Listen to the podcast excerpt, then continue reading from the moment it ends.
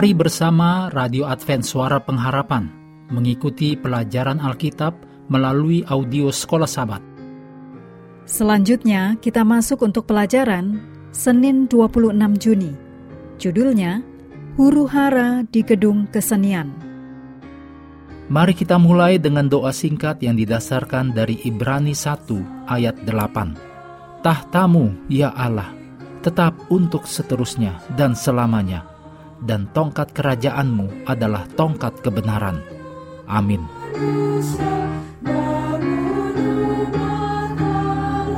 Kisah para Rasul 19 ayat 21 sampai pasal 20 ayat yang pertama mencatat Demetrius, tukang perak yang usahanya sukses dengan membuat kuil Dewi Artemis. Ia menimbulkan huru-hara di Efesus.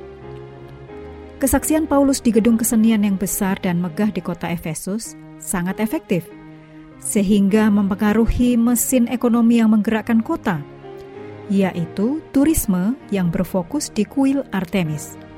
Suatu kuil yang luar biasa, dengan struktur yang megah terdiri dari 27 tiang, setiap tiang tingginya 60 kaki, terbuat dari batu marmer parian, putih bersih, batu marmer yang sempurna, dengan seni ukir yang sangat mahal.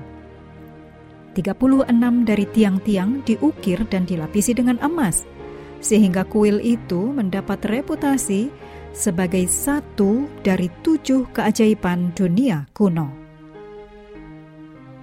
Melihat bahwa karena ajaran Paulus yang menentang penyembahan berhala akan mengeringkan sumber keuangan dari kuil Artemis, seperti yang ditulis dalam kisah 19 ayat 27, Demetrius, si tukang perak, mempengaruhi semua pengrajin untuk membuat huru hara sebuah kerumunan yang dengan cepat menjadi besar jumlahnya dan dengan kemarahan yang meluap, ditulis dalam ayat 28.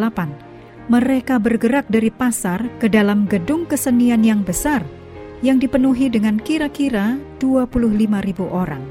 Di sana, keributan berlanjut. Selama dua jam, mereka terus berteriak, Besarlah Artemis, Dewi orang Efesus. Dicatat dalam kisah 19 ayat 34. Setelah orang banyak dibubarkan oleh petugas kota, Paulus bertemu dengan umat percaya dan meninggalkan kota itu.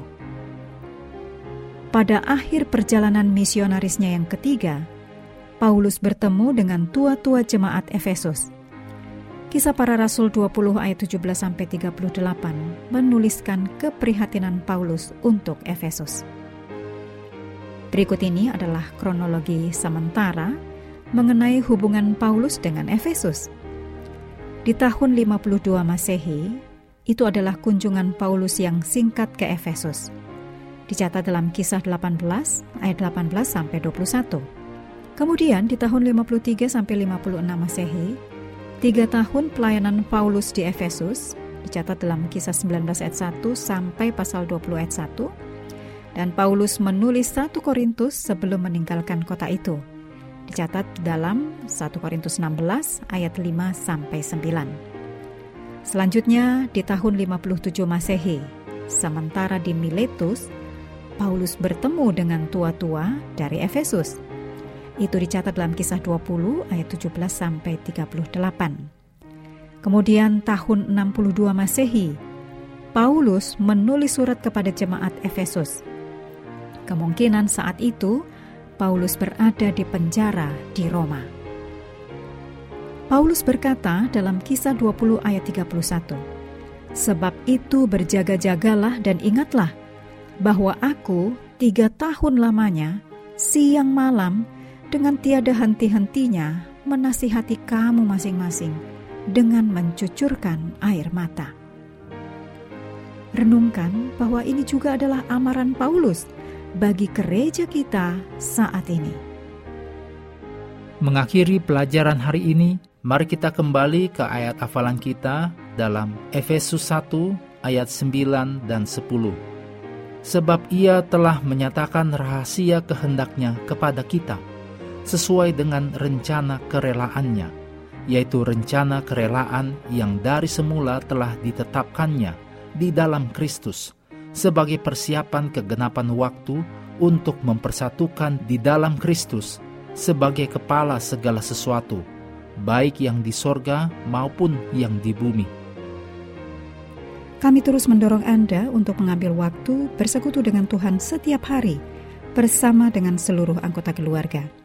Baik melalui renungan harian, pelajaran sekolah sahabat, juga bacaan Alkitab sedunia, percayalah kepada nabi-nabinya, yang untuk hari ini melanjutkan dari Mazmur 51. Tuhan memberkati kita semua.